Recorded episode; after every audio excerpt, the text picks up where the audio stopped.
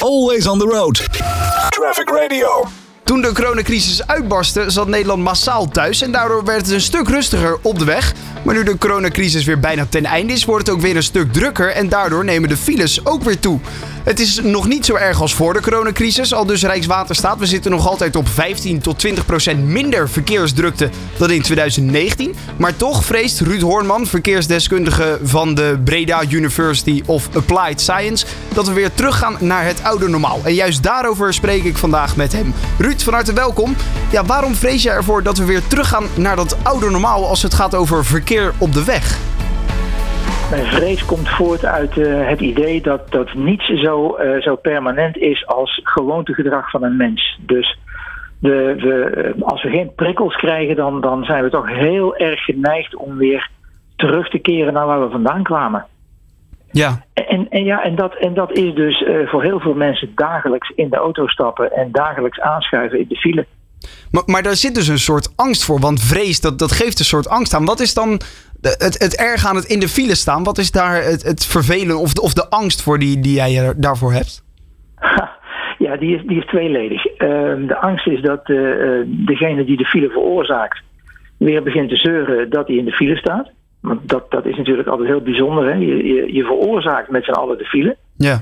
En vervolgens ga je met z'n allen klagen dat ze er iets aan moeten doen. En, en bijna niemand denkt van, zal ik er nou zelf eens wat aan gaan doen? Dus dat, dat is de ene kant van de angst. Ja. De andere kant van de angst is dat we weer met z'n allen een heleboel geld gaan stoppen in uh, doekjes voor het bloeden. Uh, dat we weer, weer, weer asfalt bij gaan plakken. En uiteindelijk gaan we dan toch weer uh, de situatie creëren dat we bijna het signaal afgeven: kom, kom met z'n allen maar naar de autosnelweg. Want uh, als het nodig is, dan, uh, dan plakken we wel weer wat asfaltstroken bij. En dat, dat, dat leek nu eigenlijk niet meer nodig, voorlopig althans. Nee, jij bent daar dus ook geen voorstander van, hoor ik al.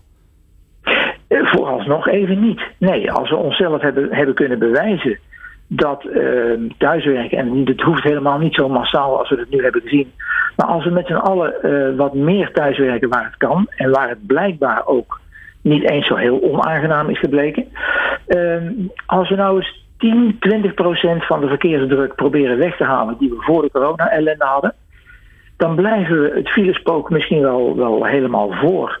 Dat zou zomaar kunnen. Ja, want de ANWB zei inderdaad dat er nog geen sprake is van een filespook op dit moment, om het inderdaad zo even te noemen. Maar dat die er wel weer aan zit te komen, inderdaad. Dus ook zij zien inderdaad deze trend uh, uh, nou ja, komen. Um, wat, wat, kunnen we daar dan aan doen? Naast dan bijvoorbeeld thuiswerken, wat natuurlijk iets is wat er nu in de laatste ja, maanden, anderhalf jaar zo ongeveer, is ingeslepen. Wat kunnen we dan naast dat nog meer aan doen? Als het is een vorm van thuiswerken, maar wat nou ja. als je bijvoorbeeld eens kiest uh, voor niet om half negen op je kantoor willen zijn op een bedrijf en daar dan vervolgens een uur lang je e-mail gaan wegwerken? Als je dat nou eens thuis doet en je verplaatst je, uh, je moment van vertrekken naar een half uur of een uur later dan je gewend was. Of wat nou als je je werkdag uh, eerder afbreekt en dan het laatste stukje nog thuiswerkt? Dat, dat is ook een stukje thuiswerken, maar dan zit je oh ja. niet per se de hele dag thuis. Want ik realiseer me alleszins dat heel veel creatieve processen, uh, heel veel overleggen, die doen het gewoon het beste live bij elkaar. Daar kan Zoom en Teams kan daar niet, niet een goed alternatief voor bieden. Maar moet dat dan per se altijd van half negen tot vijf of tot, tot half zes? Juist. Dus juist op eigen initiatief een beetje de werkdag wat, wat verleggen. Dat zou een optie kunnen zijn. Het, het openbaar ja. vervoer speelt hier denk ik ook een rol in. Want ik, ik las ook uh, afgelopen week in het nieuws dat uh, de, het openbaar vervoer meer mensen wil gaan trekken. Dat ze daar bepaalde acties zelfs voor gaan opzetten. Ik denk dat zij ook een hele belangrijke rol hierin kunnen spelen. Hoe zie jij dat? Ja, absoluut. Uh, er, is geen enkele methode van, van transport, van vervoer te bedenken voor personen uh, die efficiënter is dan, dan openbaar vervoer. Je, je vervoert een groot aantal uh, personen met één voertuig. En dat is altijd efficiënter dan, dan met, met één persoon verpakt in een auto de weg op, opgrijpen. als we het hebben over smart mobility, dan denken we heel snel aan de zelfrijdende auto of alles wat daarop lijkt. Ja. Nou, eigenlijk op het moment dat je, dat je ergens in je zin het woord auto gebruikt, is smart mobility al bijna onmogelijk geworden, want het is niet smart. Het is niet smart om met 8 vierkante meter, uh, met pak een beet anderhalve uh, ton uh, metaal, de weg op te gaan om één persoon te vervoeren. En of je dat nou elektrisch doet, of met een schone diesel, of met, een, met een, een, een vieze benzinemotor, het is geen van allen smart. Nee, het, we moeten dus nog wel de weg op. Dat zei jij zelf eerder ook al. Omdat we dus toch nog wel hè, dat, dat, dat creatieve of het, of het overleggen, dat uh, is nog wel nodig op de werkvloer inderdaad. Daarnaast is het thuiswerken nog steeds relevant. En uh, kan dat dus helpen tegen de verkeersdrukte. En daar zeg jij bijvoorbeeld ook, moet er een riante thuiswerkvergoeding komen?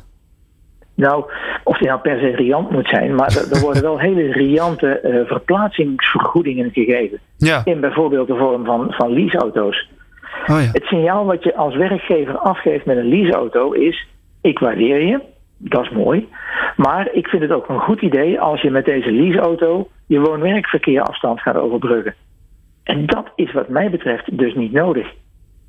Hoe? We, maken, we maken als, als, um, als collectief Nederland uh, in, in hele grote mate zelf een keuze waar we wonen en waar we willen werken. Ja. En daar hangt daar de afstand uh, bij. Uh, we, we, accepteren doorgaans één uur uh, woon-werkverkeertijd. Ehm, en ja, en naarmate je, je mobiliteitssysteem vlotter verloopt, kun je in dat uur verder weg. Dus we hebben onszelf een beetje rijk gerekend in de loop van de jaren dat je uh, in, een, in een heerlijk ruraal gebied kunt, uh, kunt wonen en in een verstedelijk gebied denkt te moeten gaan werken. En ik, ik zet hem expres een beetje scherp weg, omdat ja. heel veel mensen vinden dat namelijk geen keuze. Die zeggen, maar ja, dat vraagt de maatschappij van mij. En daar zitten we volgens mij aan, aan de verkeerde kant van het spectrum, want het is wel een keuze die je zelf maakt. En hoe belangrijk is die werkgever dan in dit proces? Nou, een werkgever die kan bijvoorbeeld, uh, bij, bij mijn eigen werkgever is uh, sinds enige tijd nu het, het, het, idee ingevoerd. We hebben een afgesloten parkeerterrein. Dat was altijd gewoon open. Als je met je auto aankwam, ging de slagboom open en kon je parkeren. Dat is nu gezegd, je moet je aanmelden met je werknemerskaart. En als je uh, minder dan een bepaalde afstand van je werk woont, dan gaat de slagboom voor jou niet meer open. Nou, dat is een, een, een redelijk heldere maatregel. Die wordt van tevoren keurig eerst gecommuniceerd. Maar waarom moet je een afstand van vijf kilometer met een auto overbruggen? Dus dat, dat is een voorbeeld van wat een werkgever kan doen. Een werkgever kan zeggen: ik geef je een, een riantere reisvergoeding als je met het openbaar vervoer komt. Aangenomen dat het mogelijk is natuurlijk. Hè? Als je uit een heel klein dorpje naar een ander heel klein dorpje moet, ja, dan is openbaar vervoer vaak op dit moment nog überhaupt geen keuze. Maar op het moment dat het een keuze is, nou, geef daar dan een betere vergoeding voor dan wanneer je toch kiest voor je auto. Ja. Wat, wat, verwacht jij nu zelf als je kijkt naar het gedrag van de mensen? Verwacht je nu dat ze dit inderdaad gaan aannemen en gaan denken: oh ja, inderdaad, het verplaatsen van mijn eigen werkdag kan, kan handig zijn. Of juist inderdaad twee dagen per week thuiswerken uh, kan handig zijn. Uh, wat, wat, verwacht jij zelf? Gaan mensen zich hier toch aan aanpassen en krijgen we minder file drukte? Of Wordt dit gewoon zoals vanuit en uh, komt dat alles weer terug? Ja, niet als we niets doen. Als we, als we uh, achterover leunen en kijken wat er met de wereld gaat gebeuren, dan, dan gaan we, ik denk voor 90, 95 procent weer terug in het oude, in het oude normaal. Um, dus ik, ik heb afgelopen periode een afstudeerstudent uh, begeleid die gaat de 22e eh, gaat die presenteren. En die heeft een onderzoek gedaan naar wat voor tools kun je nou een werkgever die het eigenlijk best wel ziet zitten, wat voor tools kun je die nou aanreiken om die stimulans naar zijn werk, werknemers te geven. Hoe, hoe kun je dat nou aanjagen? Want dat is volgens mij vaak waar we het dan laten liggen. Men, men is op zich best wel van goede wil komt zelf niet met, met de goede antwoorden of de goede ideeën. En als je dan niet aangereikt krijgt, dan, ja, dan wat, wat is er dan menselijker? Dan weer gewoon terugvallen in wat je gewend was te doen.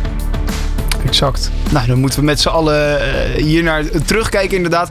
En kijken wat we hier dan uh, aan kunnen doen. En uh, onder andere dus het, het, thuiswerken of het verleggen van de werkdag... is een goede optie om in ieder geval minder file drukte te hebben op de snelweg. Ruud Hoorman van de Breda University of Applied Science. Hartstikke bedankt voor je tijd en toelichting. Graag gedaan. Dit is Traffic Radio.